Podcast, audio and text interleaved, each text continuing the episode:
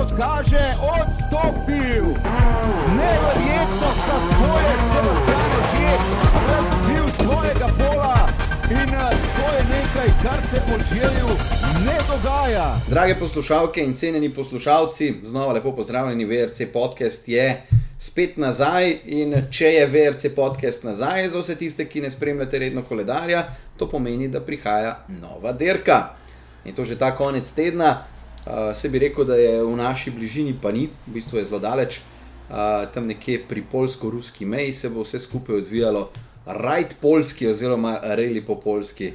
Uh, prihaja in tudi o tem bo tekla debata v današnjem podkastu, v katerem jasno, da ne manjka Aljoša Novak.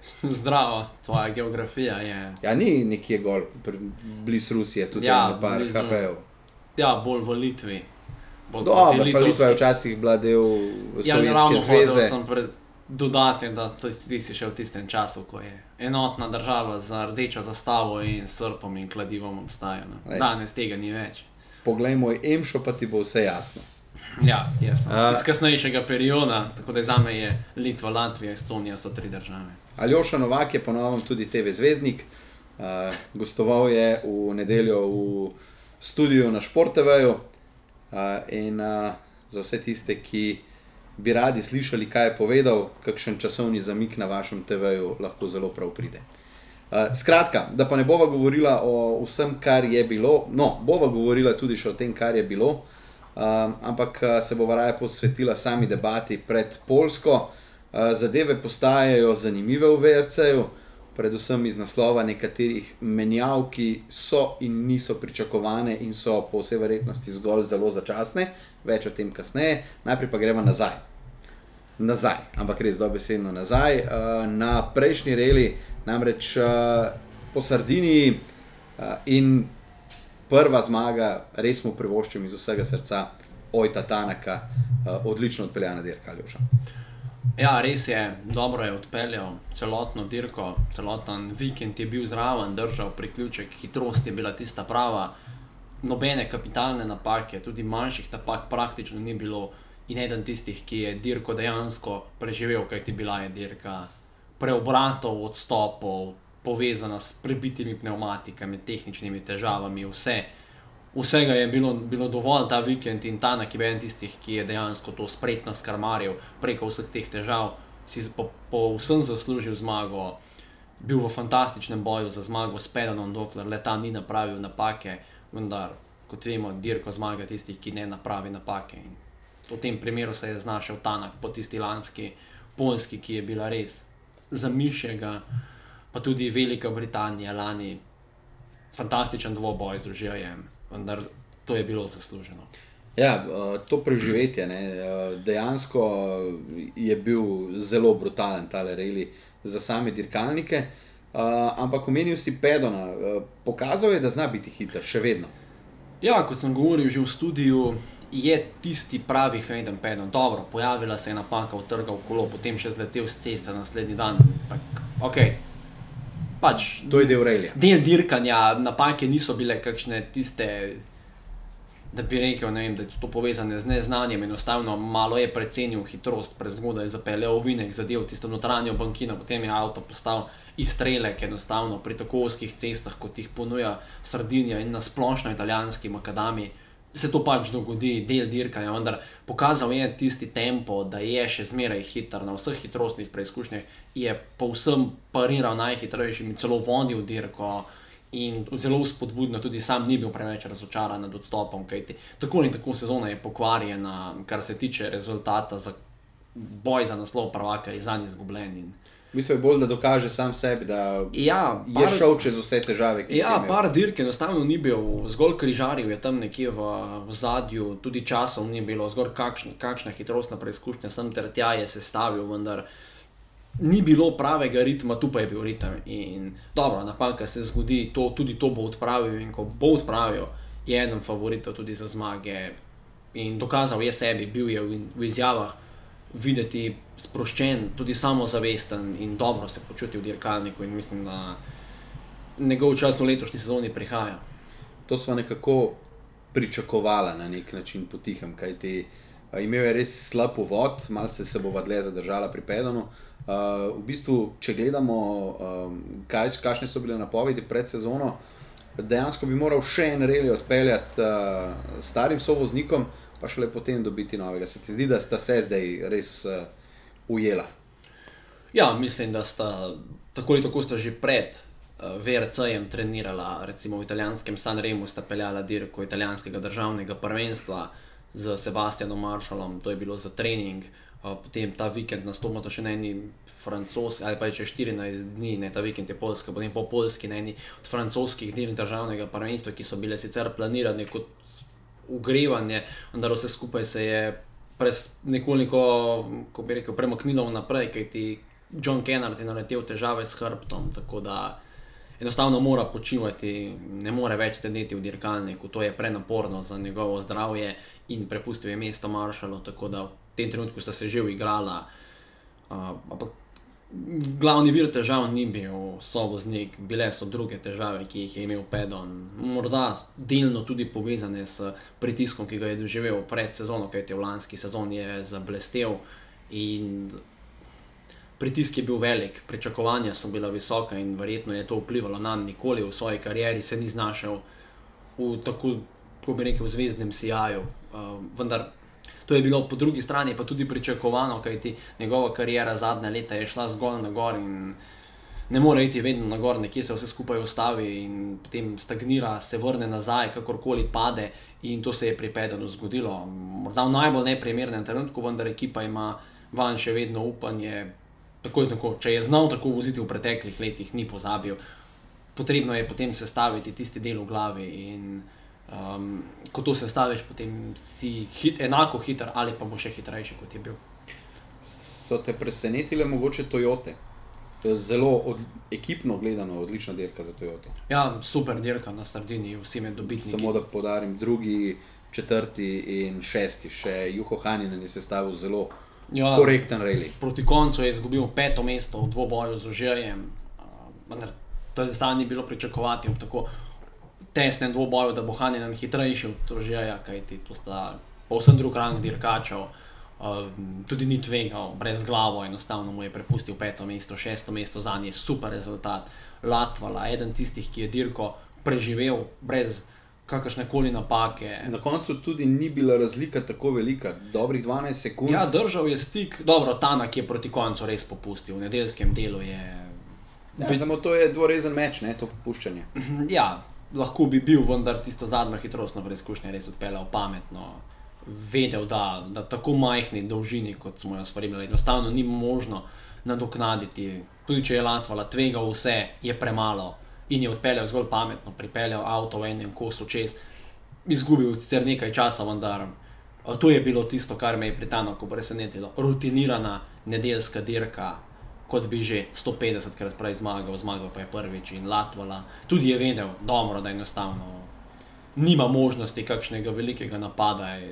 Ter držal je dober tempo, vendar ni bilo brez glave, medtem ko lapi. Pa fantastična dirka, res, res, res super, super, super. Um, Kapo dol mlademu lapiju, uh, druga dirka in drugič skoraj na podijumu, to je res Ne boš verjel, ima že več točk kot, uh, skoraj da več točk kot Kris Mik. Ja, vendar je uspel zgolj dve dirki. Ja, zato. Uh, to je tako super, ekipno avto dokazal, da je konkurenčen tudi napredek, ki so naredili med samo sezono, dobili na hitrosti, že tako ali tako so bili vedno hitri, vendar sedaj so res super hitri in lapi. Dokazal, da je um, tudi nova posodobitev, ki jo je imel na dirkalniku, očitno hitra, kajti vemo, Lapi je vozil bolj prototipni dirkalnik z nekaterimi Eh, deli dirkalnika, ki jih bodo, bosta Hanina in Latvala kot člana prve ekipe uporabila v prihodnje. Zdaj so jih dali na dirkalnik Lapija zgolj za test, da vidijo, ali to zdrži ali učinkuje. In očitno se je izkazalo, da to funkcionira in to bodo potem fanti dobili že verjetno na polskem. Ja, in Lapi zelo resno cilja že v krstni sezoni na stopničke. Ja, vemo, gre za enega najhitrejših mladih fantov, lani prvako VRC2, potem prvo polovico sezone presedel, um, dobro, ni presedel, je, ja, v bistvu je presedel v dirkalniku na testiranjih, se pripravljal na prehod v novi VRC avto, kajti Dejstvo je, da so avtomobili tako super hitri in zahtevni za vožnjo, da je tem mladim fantom potrebno dati čas, da se na to prilagodijo. Lapi so to pri Toyoti omogočili in videli smo, da se jim je do tega trenutka to obrestovalo. Morda celo na polskem bomo videli, sam sicer ne bi ravno stavil, da bo tu prišel na stopničke, vendar morda Polsko ima lepe spomine leta 2012 zmagal dirko generalno za Evropsko prvenstvo v njegovem prvem nastopu izven Finske, drugi, okay, drugi nastop izven Finske, še prej bila Nemčija v nekonkurenčnem C2, R2, ampak prva za Škodino tovarniško ekipo in prva zmaga. Tako da Poljska mu odgovarja in tudi lepe spominjamo na to dirko. Uh, tre... Ne bi stavil iz razlogov, tisti, ki ste še niste poslušali podcasta z mojim bratom Timom v privatni izvedbi, je dobro razložil, zakaj na dirkah kot so Sardinija, ki je počasnejša, lahko parira na Poljskem, pa nekoliko teže, kajti na dirkah kot je Sardinija, ko je počasna dirka, tam enostavno ni treba biti toliko samozavesten. Uh, toliko navožen, kajti tu so zavoji bolj počasni in lahko z dobrim občutkom v dirkalniku bolje pariraš, medtem ko na hitrih je treba na popisu vse opraviti in enostavno tam, kjer se da iti na polno in to terja veliko samozavesti in veliko navoženosti z dirkalnikom, to pa mislim, da lapi v tem trenutku še manjka. Mm, en medklic, še preden greva naprej s Sardinijo. Zdaj pred Polsko so zelo aktualni lanski onboardi, ki jih spremljamo po internetu, in že z lanskimi dirkalniki zgleda zadeva brutalno hitra. Kaj ja. bo šele letos z novo aerodinamiko, z močnejšimi motorji? Ja, vse skupaj bo šlo še hitreje. Vendar, vendar tu bo organizator moral nekako zagotoviti tudi varnost. Sigurno bodo poizkušali nekaj s šikanami, z izbori samih hitrostnih preizkušenj, bodo verjetno našli kakšne bolj tehnične. Ker glede na to, kaj sem spremljal z lanskimi dirkalniki, gre letos lahko samo še po zraku. In tudi bo šlo. Uhu. Sigurno bo veliko teh dolgih skokov, da bomo videli, kako bo organizator, kako je določil trase kako so vse skupaj omejili te hitrosti. Že na, na švedskem so imeli težave z prehitrimi povprečnimi hitrostmi in bomo videli, kako so tu odreagirali. Sigurno je FIA nekaj morala glede tega ukreniti. Kaj in kako pa bomo videli na polskem. Ok, nazaj na Sardinijo, kjer sama hitrost uh, ni bila niti približno tako velika, kot bo zdaj na polskem. Tretje mesto pa za Terija Novila, v bistvu edini Hyundai med točkami. Uh, Novilu je v bistvu bolj pomembno, da krade točke v žijaju. Ja, vendar Sardinija ni bila to, kar je računal. Imel je tiste težave z zavorami, lahko bi še predvsej zmanjšal svojo razliko, verjetno bi dirko zmagal, če ne bi imel težav z zavorami. Po mojem mnenju, mislim, da bi zmagal, kajti Tanak ne bi bil kos teriju novilov, kajti bil je res v super formi. Res človek, ki je v formi svojega življenja in enostavno. Mislim, da Tanak ne bi imel ne bi imel veliko možnosti v neposrednem dvoboju, kajti Novil je, je hitrejši voznik v tem trenutku, vendar težave so bile in tu ga jezi. Kaj ti lahko bi bil že zelo, zelo blizu, v neposrednji bližini. Dobro, že, ja. Prav dosti se na težave tudi ne sme izgovarjati, glede na napake, ki jih je sam počel na začetku. Ja, vendar takšne težave z zavorami, pripetili so se v nepravem trenutku, lahko bi zmagal dirko, lahko bi zmanjšal razliko še bolj in to je tisto, kar ga jezi. Sicer pa razen tistih težav, pa dobro dirka.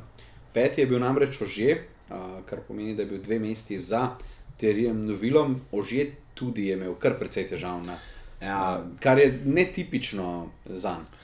Ja, tudi na takšni dirki kot je Sardinija, kjer se je ukvarjal s pluženjem, to enostavno ni imel možnosti. To je sploh Sardinija, je tip dirke, kjer tisti, ki vozi prvi, ne gre. Enostavno ne gre. Tukaj je objektivno znano, da ne gre. Morda tista zadnja hitrostna preizkušnja, ki je bil potem Power Stage, je bila edina na, v prvi ponovitvi, kjer je bil tisti, ki je vozil prvi najhitrejši. Vendar tam je bila tako fina milka, da enostavno tisti, ki so vozili drugi, so že po domače na J. Uh, Ampak to je bila ena hitrostna preizkušnja, vse, vse ostale pa so preveč tistega finega peska, tako imenovanega šodra, da bi tisti, ki je prvi, imel kakršno koli možnost Dobro, sicer nekateri so se potem obadali s prahom, vendar so imeli tri minutni interval, tako da dobro, nekaj je že pridobil, ko je vozil prvi, vendar je več izgubil s podlago kot s tistim prahom v zraku.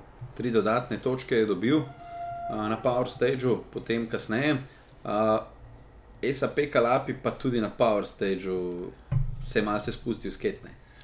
Ja, zakaj pa ne, imel je dobro štartno pozicijo, do, začutil se je, bil je v dobri formi.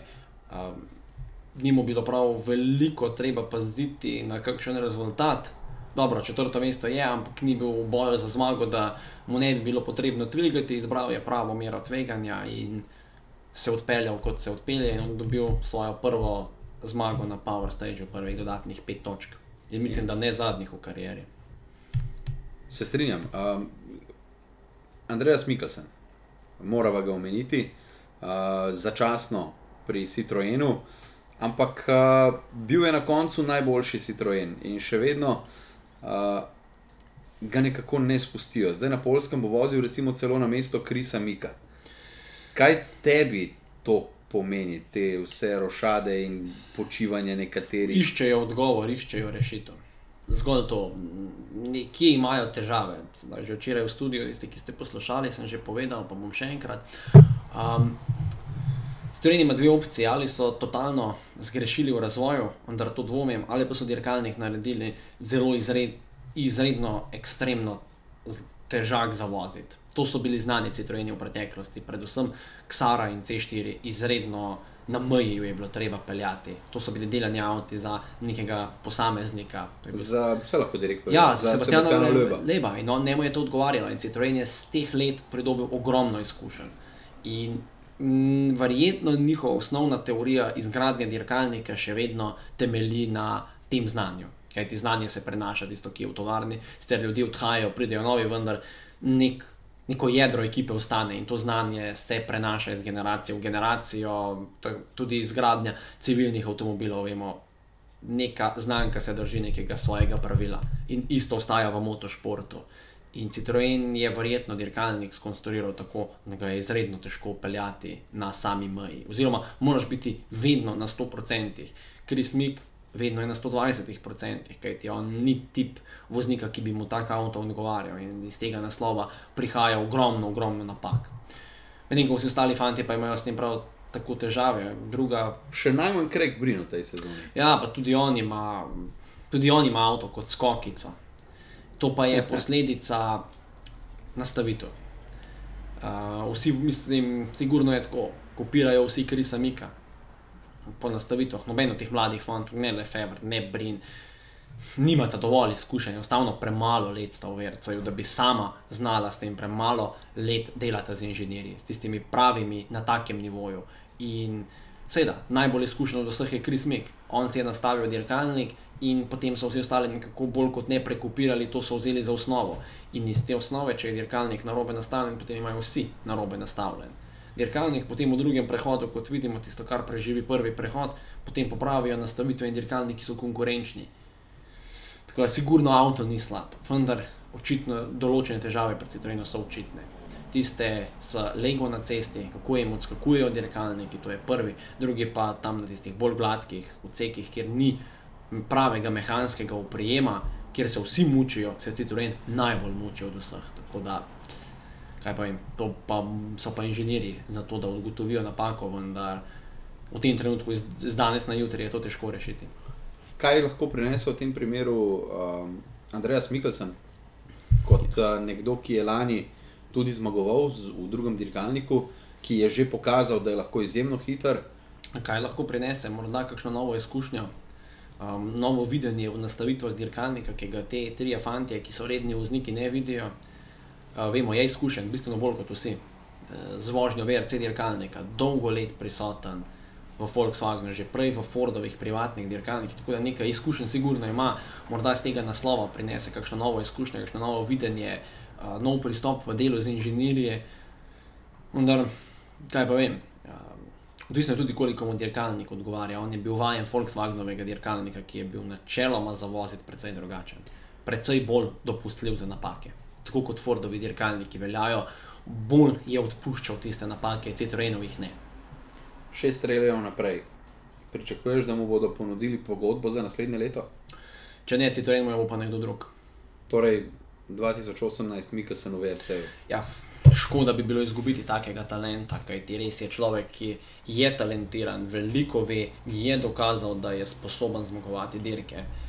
Katera ekipa si ga najbolj želi verjetno Citroen ima potrebo po njem, morda tudi Hyundai. Ja, samo če se stavi recimo drugo polovico sezone peden, tako kot je treba. Se ni pedon tisti, ki Sordo. Ja, Sordo je star. Je da- najstarejši, dobro, ni najstarejši, najstarejši je Chris Mek. Je pa med najbolj konstantnimi. Ja, vendar, kaj pa vem, um, dolgo let je že prisoten. Vprašanje je, koliko ima še motivacije, tiste prave za to, koliko je še ostar in nekje v prihodnje bo nekdo rabil zagotovilo. Zato pa je morda celo preizkušal Mikkelsen Hyundai dirkalnik.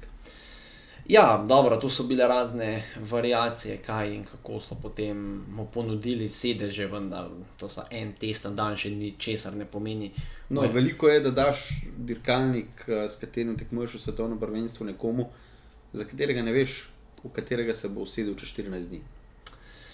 Ja, dobro, staj, kaj velikega, kaj drastičnega, tako ali tako ni izvedel. Povedali so mu zgolj tisto, kar so mu želeli povedati inženirji. ne. Da Spet je to, dirkalniki, ok, so novi, vendar niso to kvantni preskoki. To je ti treba povedati, dirkalniki.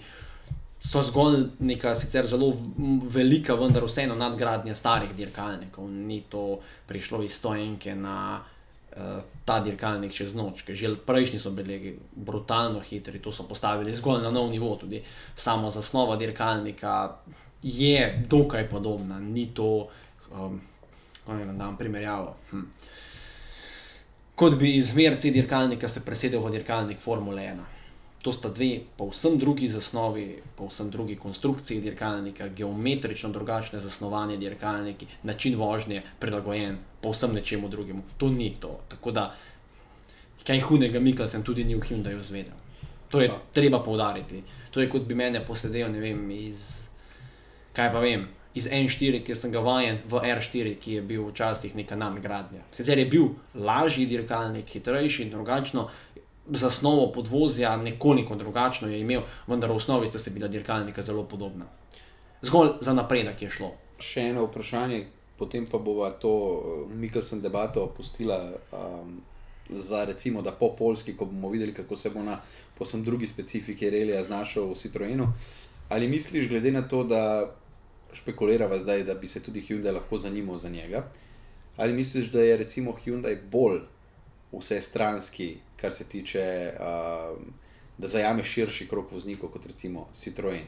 Če upoštevava, kar, kar si rekel, da Citroen recimo ima neko filozofijo uh, grajenja dirkalnikov, uh, ki jim je malce v podzavesti zagotovo še ostala.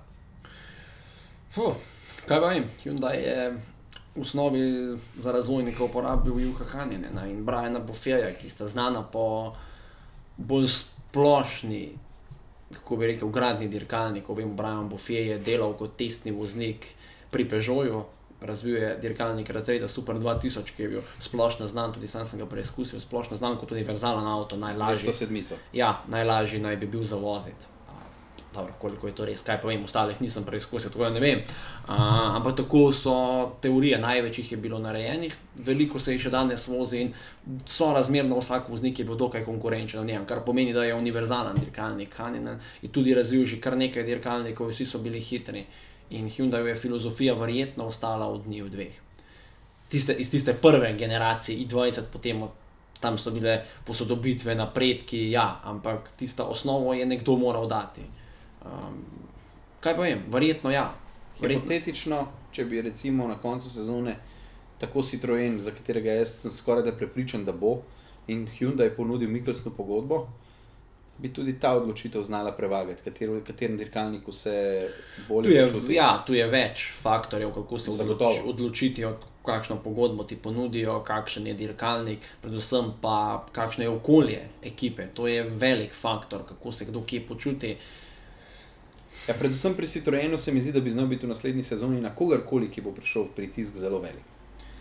Ja, definitivno, da tam se kar nekako uklepajo Krisa Mika, da sam se ga ne bi prav preveč. Dokazano, s- enostavno star možakar je že. To je treba poudariti, gre na 40. To je za razred VRC veliko. Nima več veliko pred sabo. Bolj bi ciljal na kakšnega mlajšega, če bi bil menedžer ekipe. Predvsem pa morda bolj zanesljivega. Te Enostavno letos si je privoščil toliko napak, sedaj s čim so povezane, ali so z nastavitvami ali s konstrukcijo dirkalnika. Ni do neke mere, verjetno je pomembno, vendar napak tudi z njegove strani je bilo preveč. No, če naredimo bilanco, je najbrž naredil, kateri med vsemi dirkači največ stroškov. Definitivno, definitivno. In to ni dobra popotnica za naprej. In vemo tudi v preteklih letih, ko je bil pritisk, je vedno imel težave. In tako to se ne bo spremenilo. Starega psa naučiti nekaj novega trika je vedno izziv. A potem pri mojem psu sem lahko že obupal. Okay. Dobro, tvoj pes ne vem, koliko je star. Naj mu bo. Greva zdaj v vikend, ki prihaja, Poljska, nekaj smo že omenjala, začel sem nekako s temi onboardi, ki Pols- Poljska je, kar se hitrosti tiče, brutalna. Nekje po hitrosti blizu tam nekje s Finsko.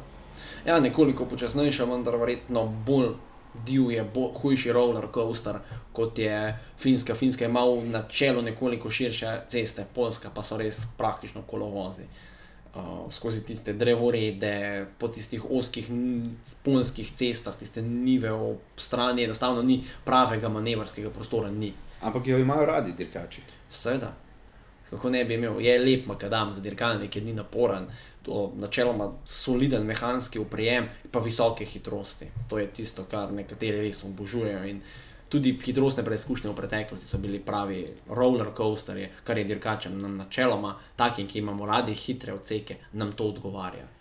Grenak pri okus je Poljska postila lani pri Ojtu Tanaku, suvereno je odpeljal cel reli do uh, povsem zadnjega dela, ko je zaradi predrte pneumatike um, izgubil zmago in jo je prepustil ravno Andreasu Mikkelsnu in potem skoraj da v Sovzah zaključil uh, reli. Uh, lepa gesta je bila takrat uh, Sebastiana Ožeja, uh, v očeh vseh je bil Tanak zmagovalec tistega relija. Ja, vendar realno ni bil. Ja, realno ni bil, ampak uh, tisti, ki ne veste, uh, Ožje je namreč pod dirki šel do Tanaka, ki se je umaknil stran od vseh in ga dvignil na rame in ga kot zmagovalca odnesel uh, med ljudi, tudi ostali dirkači so se pridružili. Na nek način lepa gesta, ki kaže, da dejansko so bolj ali manj kolegi med sabo dirkači. Ja, to definitivno gre za eden tistih športov, kjer je ta sport, tako imenovani sportsmanship, sploh ne vem, kako bi to rekel. V redu, pustimo. Sportsmanship je, recimo, Če ne razumete, pa slovar pa bo šlo. pa bo šlo, ne vem, ni slovenskega izraza za eno besedo za to. Vsaj po mojem, da ne. Kolegial. Kolegijalnost. Ja, vendar dobro, kolegijalnost je lahko v večjih pojmih, v različnih okoljih. Nekakšna kolegijalnost med dirkači načeloma vlada. Ampak to je zgolj načeloma. Ko pride do hitrostnih preizkušenj, ni tega, potem so pa določeni dirkači, se med sabo gledamo bolje, spet z drugimi se niti pozdravimo. Ne. Sam sicer načeloma nimam toliko težav s tem, nekaterih imajo pa bistveno več, tudi z mano jih ima marsikdo težave, vse tisti se boste našli v podkastu, upam. Sicer ne vem zakaj, Komu zvignete roko? ni komu sem problema. se kaj zameril, ne vem, ampak te, te kolegijalnosti načeloma je, vendar v tem krogu, ko si dolgo prisoten, ko en drugega poznamo tako zelo dobro, potem tudi to izgine. Nekateri se vidijo med sabo bolje, spet drugi se ne. Tako kot povsod druge na svetu, se ni nič kaj bistveno drugače. Tudi na delovnem mestu z nekaterimi si lažje skupaj kot z drugimi. Ampak ja, pokazalo je, da je načeloma kolegijalen šport, v motošportu bolj kolegijalen od vseh ostalih, kjer pa dejansko vladajo sovraštva. Uh, Morda ne ravno osebna, vendar ko sta dva um, v različnih kombinezonih, pa tudi v istih kombinezonih, niti ni toliko važno. Recimo primer Rosberg Hamilton v lanski sezoni v Formuli 1, to je bilo na barikadah. In pa Rossi in pa Lorenzo, ko sta recimo- dirkala v isti ekipi, to je bilo na barikadah. Enostavno- recimo v tem trenutku aktualno moram, ker imamo pač tudi prenose. Kajroli in Herlings pri KTM-u v motokrosu. Če ste spremljali nedeljsko Ja, dirko, videl sem tisto drugo, sem, sem spremljal malo po kosilu, sem si pogledal in res. Ja, ni kolegijalnosti, ne vlada, tudi med sabo ne govorite, ne izmenjujete se informacij. Uh, Sicer dirkata za isto ekipo, vendar sta dva ločena tabora v ekipi. Vemo, med Lorencom in Rosijem je bila garaža zagrajena, med sabo se niso pogovarjali tabori. Tako, hud- tako daleč to pripelje v isti ekipi ni. Ampak to je bolj na teh krožno hitrostnih dirkah, kakršnem koli že na štirih, dveh kolesih, ni toliko pomembno. Tam je to bolj izrazito, v Reliju je le to manj izrazito, je morda bolj tak šport, ker je bolj nepredvidljiv in pomoč so tekmovalcev v določenih trenutkih je potrebna in če si z vsemi skreganti jo ne bodo ponudili. Ok, zdaj smo šli v vse možne športe in smo obdelali to Ja, športno kolegijalnost oziroma sportsmanship do konca. Ja, je morda pomembno iz določenega vid Sigurno. vidika, kaj To je vedno pomembno povsod. Ja, pač jaz tudi razložim, zato, da tisti, ki breli, je dosto razmerno obskuren šport, če se lahko tako izrazim, in tako bolj marginalen. Podcast težkih izrazov. Um, ja, danes sem navdahnjen z izrazi, je le ponedeljek. Um, sem še od vikenda v redu. Res ponovadi ob torkih snimamo, to je res. Ja, a, ampak tako, zato da tiste, ki ne spremljate toliko relija, da malo širše razumete, kaj ti Formula 1, MotoGP, morda tudi MXGP, več ljudi spremlja, morda bolje razumete potem te odnose med posadkami, vozniki, kakorkoli se njima niti ni pomembno. In uh, da se vrnemo nazaj na Polsko, uh, zna biti tudi dokaj selektiven reli. Kaj pa vem, v preteklosti niti ni bil tako zelo, pravzaprav je bil bolj reli majhnih razlik. Lani vs- mislim, je v šesterico ločilo zgolj 40 sekund, kar je za razred VRC zelo malo. Um, bomo videli, odvisno je predvsej od razmer, kako se bo to. Načeloma, kot sem že omenil, za dirkalnike uh, dirka ni zahtevna, tako da tehničnih težav ne bi smelo biti preveč, razen v primeru dežja, kjer nastanejo No, globoke samo bolesnice. velike hitrosti lahko povzročijo tudi velike napake. Ja, to je sicer res, vendar ravno na takšnih dirkah ponavadi je bil zgolj en, morda dva odstopa, medtem ko na tistih počasnejših jih je bilo bistveno več. Kaj ti vemo, tisti, ki niso 100% na takšnih, pri 185 km/h enostavno ne tvegaš vsega. Pri 92 na neki sredini, pa si ovink bolj pogumen in te lahko toliko več stane, tudi tehnika tam bolj trpi in je zaradi tega reli bolj selektiven. Da ti vemo, napak, je zmeraj jih je nekaj, vendar če bi šli gledati same dirkaške napake, neko povprečje bi bilo verjetno zelo podobno. Favoriti. Uh, najbrž kar dokaj klasična zasedba. Uh, zagotovo ožeja ne bomo nikoli odpisali. Njega ne gre odpisati, vendar v primeru, da bo dirka suha, bo imel ogromno težav. Čiščenja. Sploh to je Poljska, tudi ena tistih, kjer imajo vozniki s tem težave. Če bo dež, bo imel nekoliko lažje delo. Novil zagotovo, Ja, Terino Vil, potem ne bi eh, spozabil Vojta Tanaka, pa Finco. pa še eden Hayden Pedon. Točno. Dobra štartna pozicija. Ja, In uh, imenovani obožuje napad. hitrost. Ja, to mu je vedno odgovarjalo in tudi napad iz ozadja, iz dobre štartne pozicije, morda v prvem dnevu v celo najboljši poziciji. Sigurno tudi Latvala, Latvala, Lapi, kot sem že omenil, mu je to, ta dirka vedno odgovarjala. Um, no, ta dirka je odgovarjala marsikomu, tudi kakšnemu slovencu kdaj. Ja, res je.